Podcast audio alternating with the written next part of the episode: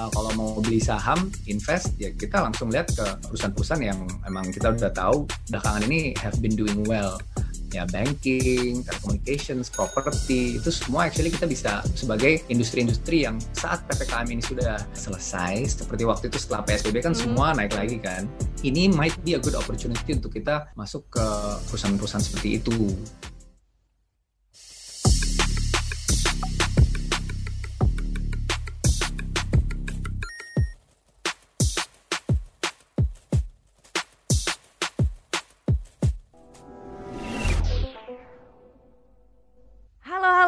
kita ketemu lagi di podcast Market Movers. Kali ini di edisi Senin 26 Juli 2021, Market Movers adalah podcast kolaborasi KBR dan Kata Data yang khusus menghadirkan informasi dan panduan praktis outlook market sepekan ke depan. Bagaimana strategi investasi serta apa rekomendasi saham pekan ini. Dan sekarang sudah bersama dengan kita Bapak Marco M. Kartodirjo Head of Retail and Digital Business dari Mandiri Investasi. Halo, apa kabar? Halo semuanya, apa kabar? Sehat-sehat ya, Mas Marco? Alhamdulillah, Alhamdulillah sehat walafiat. Iya, ini yang penting buat kita sekarang adalah kesehatan dan selalu menaati prokes. Tapi juga di kesempatan kali ini seperti biasa kita akan membahas seputar proyeksi pasar sepekan ke depan seperti apa strategi investasi yang bisa diterapkan dan juga kita akan membahas topik seputar hacking kesehatan finansial. Dan bersama saya Ines Nirmala, langsung saja kita mulai Market Movers.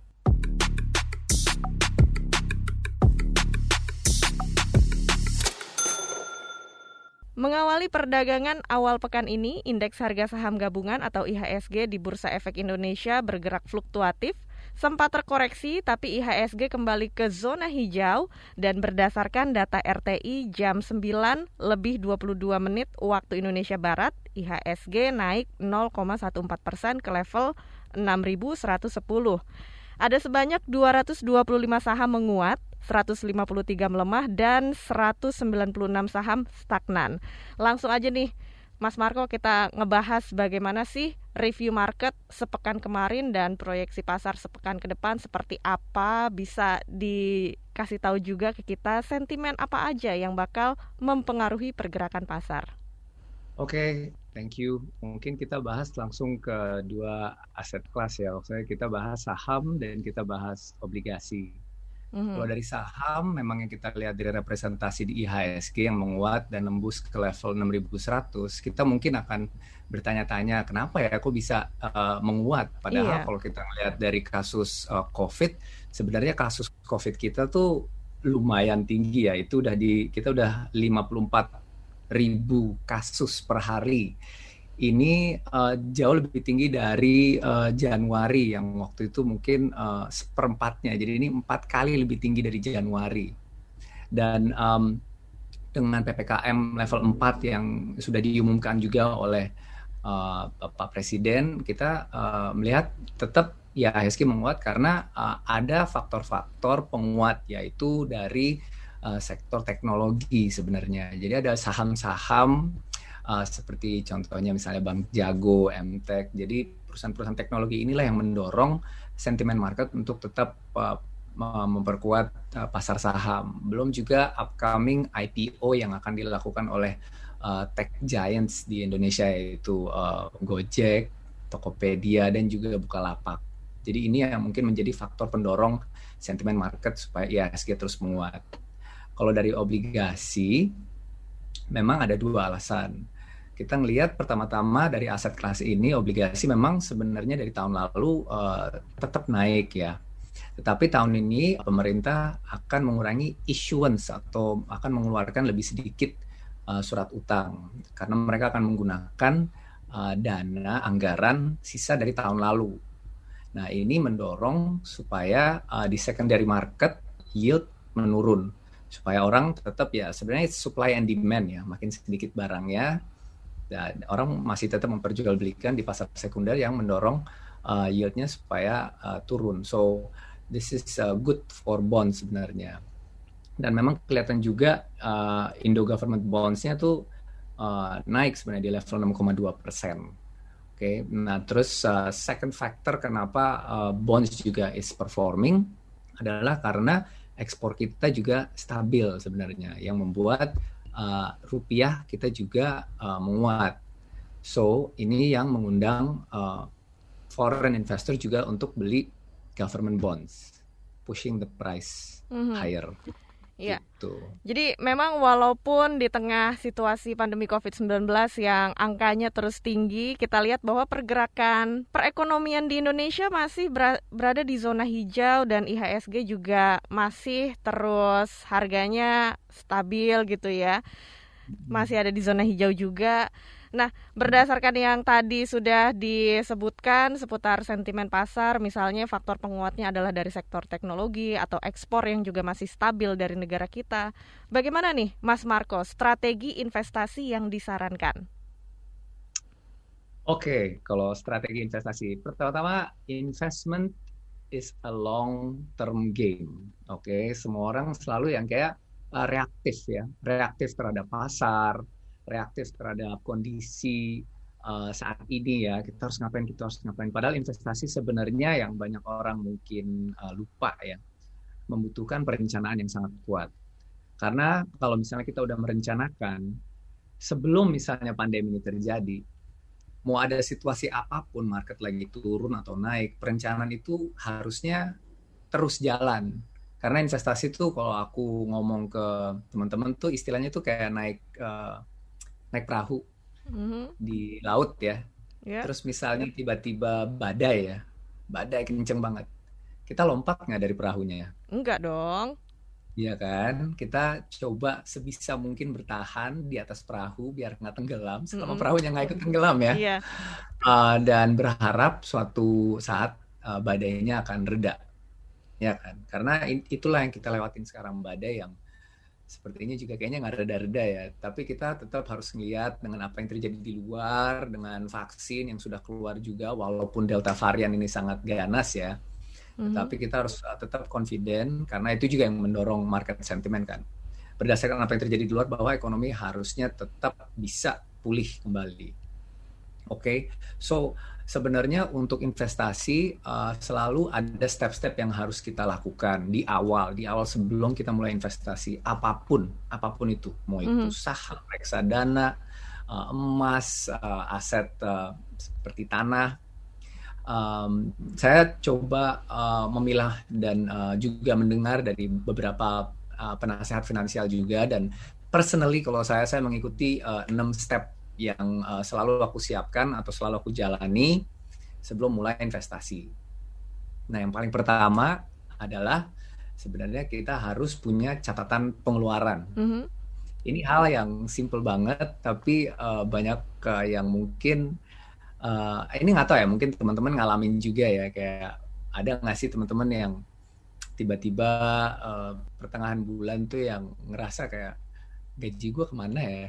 Kayak gue nggak beli apa-apa gue kayak di rumah-rumah aja jadi nggak keluar nggak apa tapi kok gaji gue udah tinggal dikit gitu pernah ngerasa kayak gitu nggak teman-teman gajinya 10 koma ya tanggal 10 udah ah, koma iya iya iya tinggal dimainin angka benar benar benar kalau di kalau di gue 7 koma setelah tanggal 7 koma iya gitu. kan itu belum pertengahan bulan padahal kalau tanggal 7 tanggal belum. 10 ya.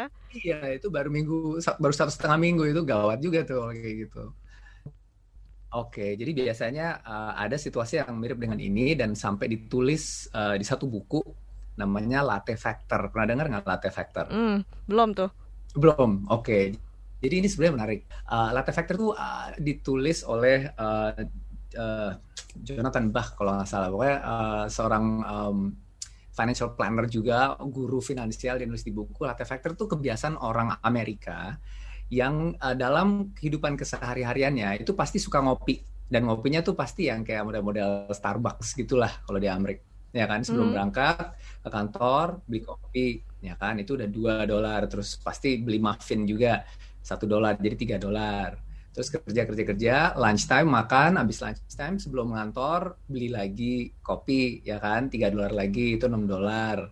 Terus pulang kantor ya kan habis makan malam nongkrong dulu ngopi dulu biasanya di cafe di mana kalau nggak ngerjain yang lain ya jadi itu udah hampir 10 dolar per hari Nah, mm -hmm. itu tinggal kita kali aja. 30 hari itu udah berapa, ya kan?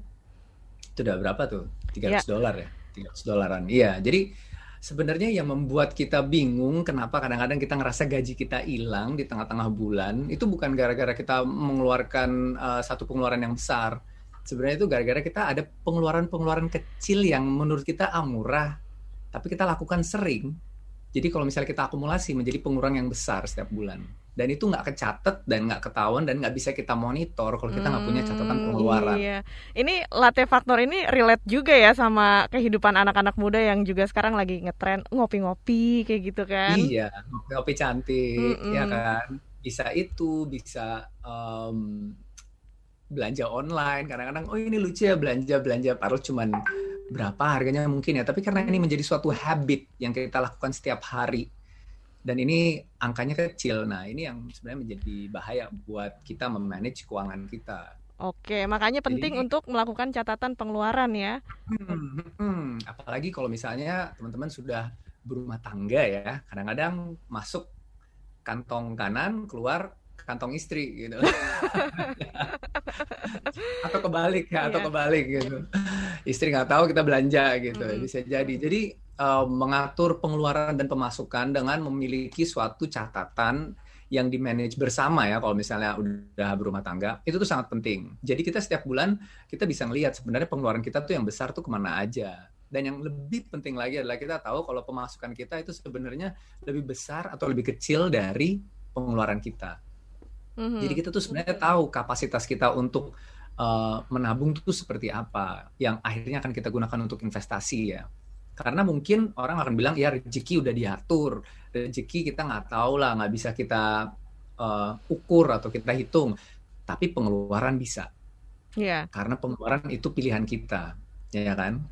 Apalagi selain sandang pangan papan itu benar-benar uh, membedakan wants sama needs ya. Itu kita harus bisa membedakan itu dan mengontrol itu dengan sebuah catatan so step one easy as it is, you have to do it. Mulailah sebuah catatan pengeluaran, sebisanya, seingatnya aja. Taruh di Google Sheets, share dengan istri ya atau dengan keluarga biar dia juga bisa ngisi bareng ya kan dan transparan dan real time. Itu personally cara saya soalnya. Mm-hmm. So do that dan setiap bulan review. Karena, Jadi ini perlu jadi habit kita juga ya melakukan catatan iya, pengeluaran. Iya, harus jadi habit. Apalagi di zaman sekarang ya. Sekarang yang kita udah ngerasa semua serba susah dan tipis gitu ya. Mm-hmm. Kita harus tahu tuh, benar-benar kita jaga uang kita tuh keluar masuknya tuh seperti apa. Karena ini akan kontribusi ke step kedua. Step kedua kita harus punya komposisi uh, pengeluaran dan pemasukan. Artinya apa? Dari yang kita udah tahu nih sekarang pemasukan berapa, pengeluaran berapa setiap bulan rata-rata. Nah, kita harus punya komposisi yang fix Artinya apa? Uh, saya diajarin beberapa komposisi, tapi yang paling gampang diingat itu 10, 20, 30, dan 40 persen. Jadi artinya setiap kali kita dapat pemasukan, mau itu dari gaji, mau itu dari uh, bisnis atau apa, kita kan kalau bisnis pun itu ada obrolannya tuh, kita harus digaji oleh bisnis kita sendiri. Mm-hmm. Dari gaji kita harus langsung bagi tuh proporsinya. 40% itu untuk biaya hidup. Ya, jadi biaya hidup sandang pangan papan tadi ya kalau bisa jangan di atas 40%. Sebisa mungkin. Targetnya justru di bawah 40%. Oke. Okay? Kenapa? Karena 30%-nya kita akan pakai untuk manage uh, hutang.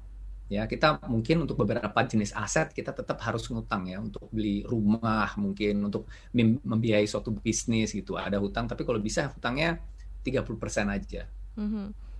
20% adalah yang kita gunakan untuk masa depan. Mau itu untuk uh, investasi, mau itu untuk beli saham, atau beli uh, naruh di bisnis atau ya 20% itu kalau bisa disiplin, lebih besar lebih bagus. Nah, 10% sisanya adalah untuk uh, kebajikan, untuk nyumbang ke orang tua, untuk ke masjid, ke komunitas, teman-teman kita yang mungkin sekarang lagi positif, butuh vitamin. Nah, 10%-nya itu ke situ untuk nolong sesama. Nah, okay. kalau bisa Uh, jadi kalau bisa kita udah langsung bagi tuh komposisi pemasukan kita ke empat uh, kategori itu. Jadi kayak kalau zaman dulu nenek-nenek kita tuh kalau misalnya ada uang tuh kan masukinnya ke amplop. Mm-hmm. Ini amplop amplop belanja. ini amplop buat bayar eh, tukang sampah atau apa. Nah, kita harus mm-hmm. punya amplop-amplop itu juga yang porsinya sudah kita atur. Kenapa ini penting? Kalau kita tahu setiap bulan kita udah bisa bagi seperti itu, hal pertama yang kita harus lakukan saat kita terima gaji bukan membayar-bayar dan membeli-beli, tapi justru berinvestasi. Karena ini sesuatu yang penting buat kita, buat masa depan kita. Jangan sampai kita investasi saat kita punya uang sisa. Iya, jadi, jadi harus gitu kan. dialokasikan dulu ya pada awal yeah. bulan baru gajian langsung nih kita bagi alokasinya seperti yang tadi hmm. bilang 40% biaya hidup, 30% manage hutang, 20% untuk investasi masa depan dan 10%-nya hmm. buat nyumbang. Betul, betul. Jadi kalau saya udah tahu proporsinya seperti itu yang yang yang cocok dengan kita saat saat ini, ya kita udah bisa langsung dari awal, oke, okay, udah masuk nih gaji 20% langsung kita investasikan. Kita udah nggak mikir lagi gitu. Justru setelah kita investasi, kita sudah mengeluarkan semua biaya hidup, ya kan, bayar-bayar segala macam, nolongin orang tua, ada uang sisa nih. Ini nih sebenarnya yang paling enak. Uang sisanya bisa kita buat jajan, dan kita nggak akan ada guilty feeling, mm-hmm. atau kita bisa investasiin lagi, ya kan? Dibanding kita mau beli sesuatu, aduh, tapi kalau gue beli ini berarti gue nggak akan bisa nabung bulan ini itu yang sangat susah karena kita berantem sama diri kita sendiri. Tapi ya itulah disiplin keuangan seperti itu harusnya. Oke. Okay? Okay. Itu step okay. kedua. Nah, step ketiga, step ketiga ini juga sangat penting apalagi di era pandemi seperti sekarang, yaitu dana darurat. Banyak yang langsung mulai investasi, ada duit lebih, ya kan? Ada duit nganggur, ya kan?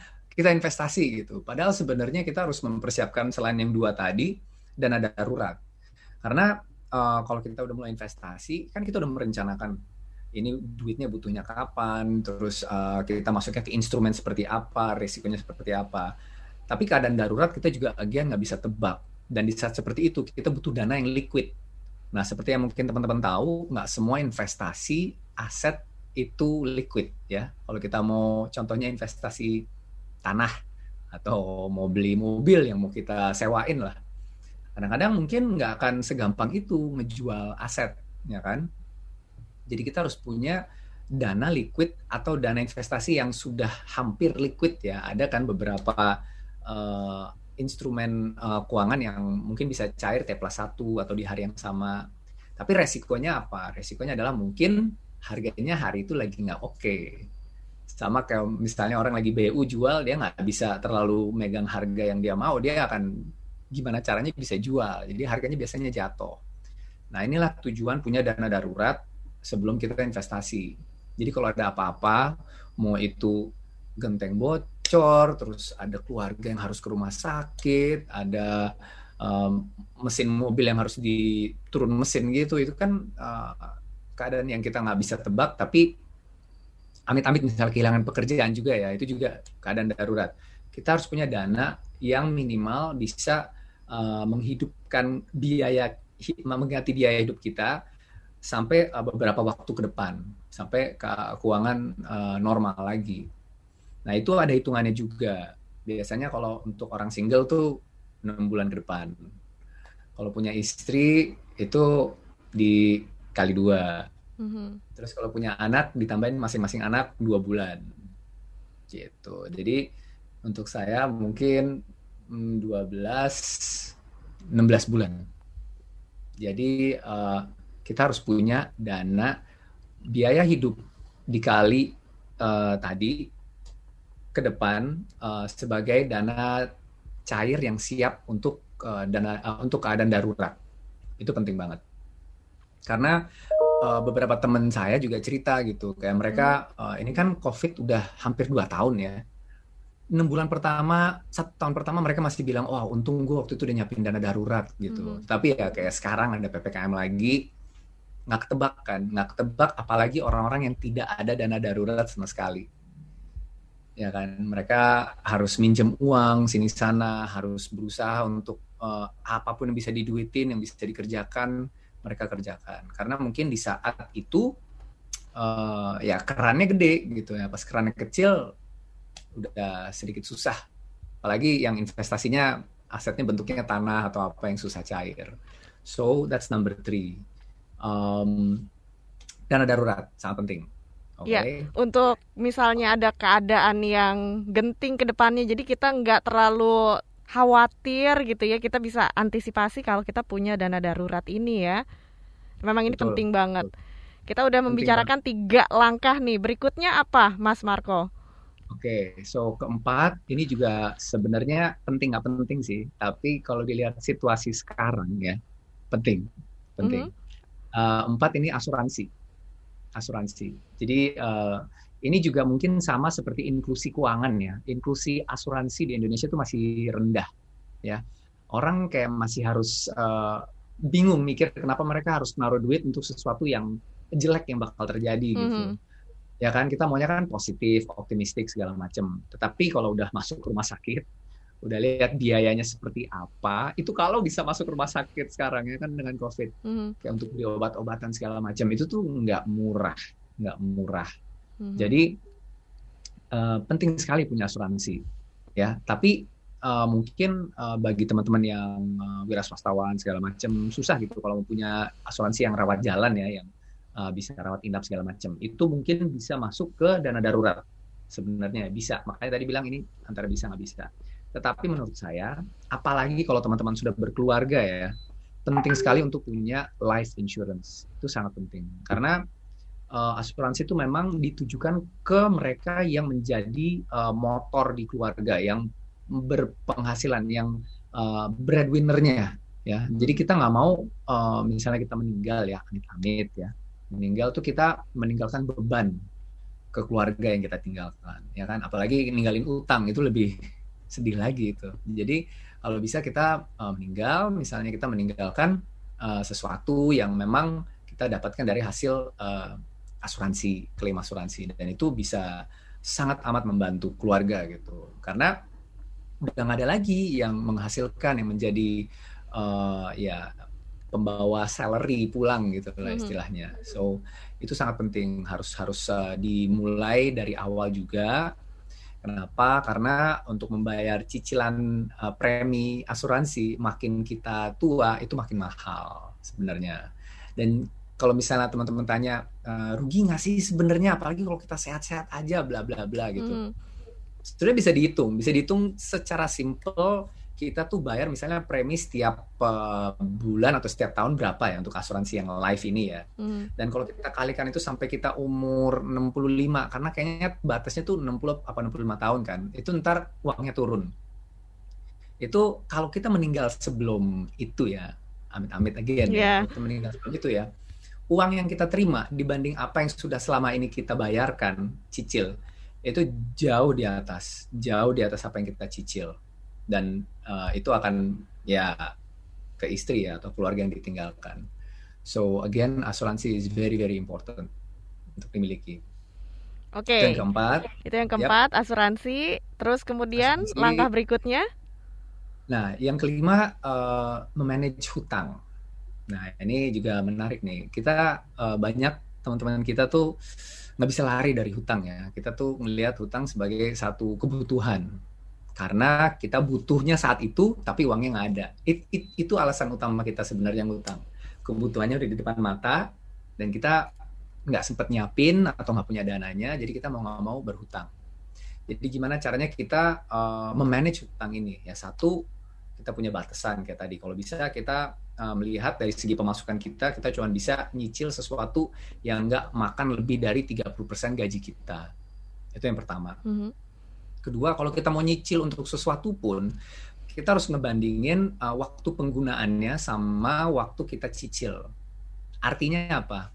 Kalau kita nyicil rumah ya misalnya ya, atau tanah gitu, sebenarnya nggak masalah kita nyicil 5-10 tahun gitu. Karena pas akhirnya sudah lunas cicilannya, itu tanah selamanya jadi punya kita. Kita nikmatin selamanya. Beda kalau misalnya kita nyicil buat uh, liburan nih misalnya liburan paket ke Jepang nih nanti ya setelah pandemi ya. Yeah. empat hari lima hari empat malam gitu. Tapi kita nyicilnya tiga tahun atau dua tahun. Mm-hmm. jadi kayak sedikit nggak masuk akal gitu. Kita nyicil buat HP dua tahun. Mm-hmm. setelah enam bulan kayaknya udah nggak apa ya ada HP baru yang iya, mungkin udah nggak excited lagi nih handphone yang ini. Iya iya. Jadi untuk nyicil yang kayak gitu mendingan dibalik aja. Ah, gue nabung aja deh gue hmm. mendingan naruh di instrumen reksadana yang uh, paling kecil. Terus gue nyicil kalau udah ada uangnya baru gue beli. Udah gue bisa nikmatin sambil gue nyicil buat HP berikutnya gitu. Itu itu yang kedua kalau ngeliat utang yang ketiga yang paling sering uh, orang salah kaprah ya mm -hmm. itu kartu kredit. Kartu kredit.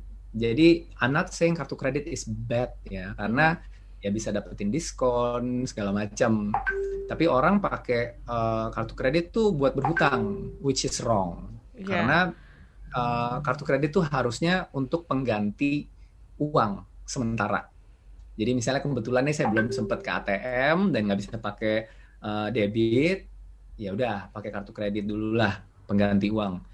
Artinya akhir bulan itu harus dilunasin. Itu hmm. aja sih intinya. Jadi yeah. kita kalau mindsetnya seperti itu, ya kita bisa pakai kartu kredit terus selama setiap akhir bulan kita lunasin. Betul. Karena, Jadi bukan untuk belanja-belanja impulsif pakai kartu kredit. Wah bahaya. Ya, Apalagi nggak bisa nggak bisa bayar ya. Ya, ya, jangan dipakai buat ngutang, jangan hmm. dipakai buat nambahin hutang. Oke, jadi buat dipakai untuk ganti uang kontan di mana itu akan dibayar akhir bulan. Mm-hmm. So basically that's the three things untuk utang ya. Jangan di atas 30% setiap bulan, ya kan? Terus kita ngelihat perbandingan waktu penggunaan uh, barangnya atau yang lagi dicicil sama waktu cicilannya. Dan ketiga untuk manage uh, kartu kredit juga. Kalau itu udah ke manage, semoga ya kita bisa uh, financially free ya financial freedom kan sebenarnya bebas utang kan hmm. rumah nggak nyicil mobil sudah nggak ada cicilan pokoknya itu the best feeling sebenarnya nggak ada utang oke okay? so itu yang kelima dan yang terakhir dan ini sebenarnya paling penting juga ya buat kita semua ya kita harus terus belajar mengenai investasi terus uh, dengerin uh, eh, KBR kalau ada market uh, update ya kan yeah. mulik-mulik lihat sendiri gitu karena informasi ya data kita pengguna data ketiga apa keempat terbesar di dunia gitu ya mm. ya semoga kita nggak pakai buat uh, menghibur uh, diri kita dengan konten-konten yang mungkin receh dan lucu menghibur tapi kita gunakan juga untuk belajar ya uh, ambil sertifikasi, ikut kursus. Kalau enggak, ya kita nonton YouTube tapi belajar cara untuk ngebaca, uh, ya untuk menganalisa dan untuk belajar mengenai produk-produk instrumen investasi. Karena informasi itu udah banyak dan ada dan available. Jadi nggak ada alasan kenapa negara kita ya secara literasi itu harus uh, lebih rendah dari negara lain. Karena literasi keuangan kita memang uh, termasuk rendah ya dibanding Singapura, dibanding Malaysia, dibanding Thailand gitu. Jadi ini ini balik ke kita sebagai uh, Indonesians gitu ya. Kita harus belajar sendiri aja. Dan itu harusnya kita mampu, mampu dan bisa supaya mm -hmm. kita lebih jago lah investasinya. So uh, itu 6 step simple yang menurut aku kita semua bisa coba lakukan sendiri di rumah uh, sebelum kita mulai nih, sebelum kita mulai pen untuk beli instrumen masuk ke pasar modal, masuk beli reksadana, mulai merencanakan masa depan kita. Semua perencanaan memiliki harus memiliki ya fondasi yang kuat. Nah, menurut saya ini simple to do, tapi kalau ada dan menjadi habit yang bisa kita lakukan akan menolong proses investasi kita di masa depan. Mm -hmm. Wah, menarik banget yang disampaikan tadi seputar hacking kesehatan finansial dari Mas Marco. Tadi udah dijelasin seputar langkah-langkah sebelum memulai investasi, yaitu ada enam langkah tadi ya udah dijelasin panjang lebar dan ini bisa jadi bekal buat kita kalau kita mulai uh, berinvestasi. Nah, tapi Mas Marco, aku juga mau masuk lagi ke topiknya market movers, di mana kita juga ngebahas bagaimana sih strategi yang perlu dilakukan dalam berinvestasi di pasar saham dalam jangka waktu seminggu gitu, sepekan ke depan, kayak gimana yang hmm. disaranin? Untuk pasar saham ya? Mm-hmm. Ya, sebenarnya untuk uh, pasar saham, uh, ini again personally ya buat mm-hmm. Saya ya. Um, saya memang kalau dari segi portofolio kebanyakan mainnya di reksadana. Ya. Yeah. Uh, uh, karena um, untuk saham uh, saya beralih dari trading itu menjadi investor juga. Jadi saya kalau beli saham tuh belinya memang buat uh, dengan nggak ada niat untuk jual sebenarnya.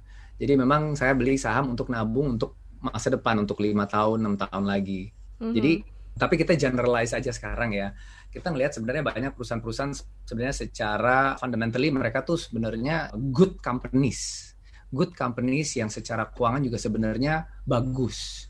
Dan kita menuju akhir tahun di mana uh, biasanya saham-saham menuju akhir tahun tuh meningkat ya. Menuju Desember tuh trennya tuh biasanya naik.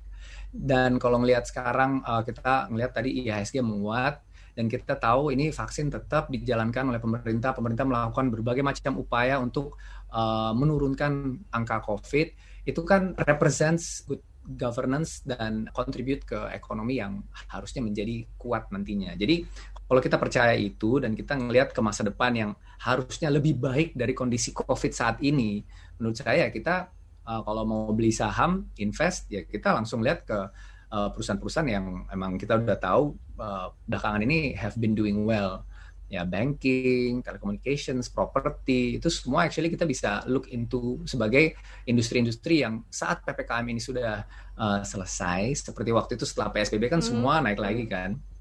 Ini might be a good opportunity untuk kita masuk ke perusahaan-perusahaan seperti itu. Yang kita lihat aja nanti kalau udah PPKM sudah selesai, akan mulai beroperasional lagi, akan mulai berkembang lagi, dan akan membangkitkan ekonomi kita lagi seperti negara-negara di luar.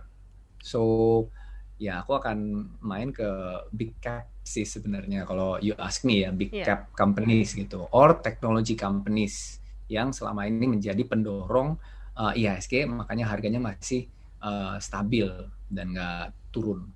Oke, nah ini terakhir Mas Marco mungkin ada saran yang perlu jadi pertimbangan bagi pendengar kita juga dalam memilih jenis investasi kan banyak banget jenis investasi yang bisa kita pilih. Uh, mungkin sarannya mana yang paling cocok dan faktor yang perlu dipertimbangkan seperti apa? Oke, jadi um, saran saya kalau untuk investasi uh, hal paling utama yang harus kita cek itu bukan uh, cuannya berapa ya. Mm -hmm. Ini very normal, tapi salah sebenarnya. Kalau orang uh, ah, gue mau beli ini itu returnnya berapa? Itu returnnya berapa? Mm. yang paling pertama sebenarnya kita harus tanya diri kita ini uangnya buat kapan? Buat siapa? Ya kan? Kalau misalnya kita udah tahu kita punya tujuan investasi untuk suatu hari nanti menyekolahkan anak untuk uh, beli rumah atau untuk ke pensiun ya itu akan memberikan kita perspektif jangka waktu investasi yang kita butuhkan. Ya kan? Kalau misalnya kita mau untuk berlibur pas nih ppkm udah selesai pengen keluar nih, pengen jalan-jalan, udah stres banget. Tiga tahun lagi, empat tahun lagi. Nah, instrumen yang kita beli nantinya harus sesuai dengan tujuan investasi ini. Artinya mm -hmm. apa? Kalau misalnya makin lama uh, periode investasinya, pensiun misalnya, ya saya nggak akan masalah dengan masuk ke instrumen yang benar-benar agresif ya atau volatile ya. Karena kalau kita ngeliat saham pun 15-20 tahun terakhir ya, walaupun kita udah ke kelihatan udah berapa kali krismon, berapa kali kita ekonominya jatuh juga. Secara rata-rata itu ya 11 sampai 12 persen, 15 sampai 20 tahun terakhir ya. Jadi itu bisa jadi uh, satu uh, barometer juga untuk kita bisa menghitung kebutuhan uh, investasi kita untuk masa depan di atas 10 tahun kayak misalnya hmm. kalau mau pensiun atau apa gitu ya. Tapi untuk yang deket-deket ya kita jangan ngambil yang sangat berisiko ya. Kita ngambil yang harus moderate, jangan yang terlalu agresif mungkin ya uh, ya surat utang atau misalnya kalau reksadana ya bisa pasar uang untuk yang satu dua tahun ke depan saja. Itu yang pertama. Yang kedua ya kita ngelihat kesanggupan kita juga gitu. Kita jangan um, melihat uh, oke okay, kita semua orang main saham gue juga mau main saham gitu. Padahal sebenarnya kalau misalnya kita melihat diri kita belum memiliki skill yang sejago itu atau kita nggak punya waktu untuk monitor uh, pergerakan saham setiap hari setiap hmm. jam ya kita harus nyari instrumen yang cocok juga dengan uh, kesanggupan kita. Makanya ada reksadana juga. Reksadana kan ada manajer investasinya.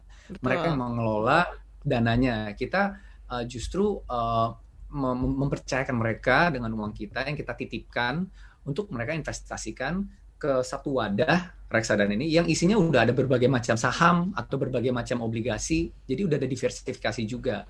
Risikonya juga makin kecil. Nah, jadi itu bisa jadi pertimbangan kita juga. So mm-hmm. uh, again, look at uh, what the money is for. Itu yang pertama, lihat ke depan jauh ya, jangan yang cuma depan mata aja, tapi yang benar-benar jauh ke depan, sejauh mungkin lebih bagus. Oleh kayak itu lihat ke diri kita juga, kesanggupan kita, waktu kita.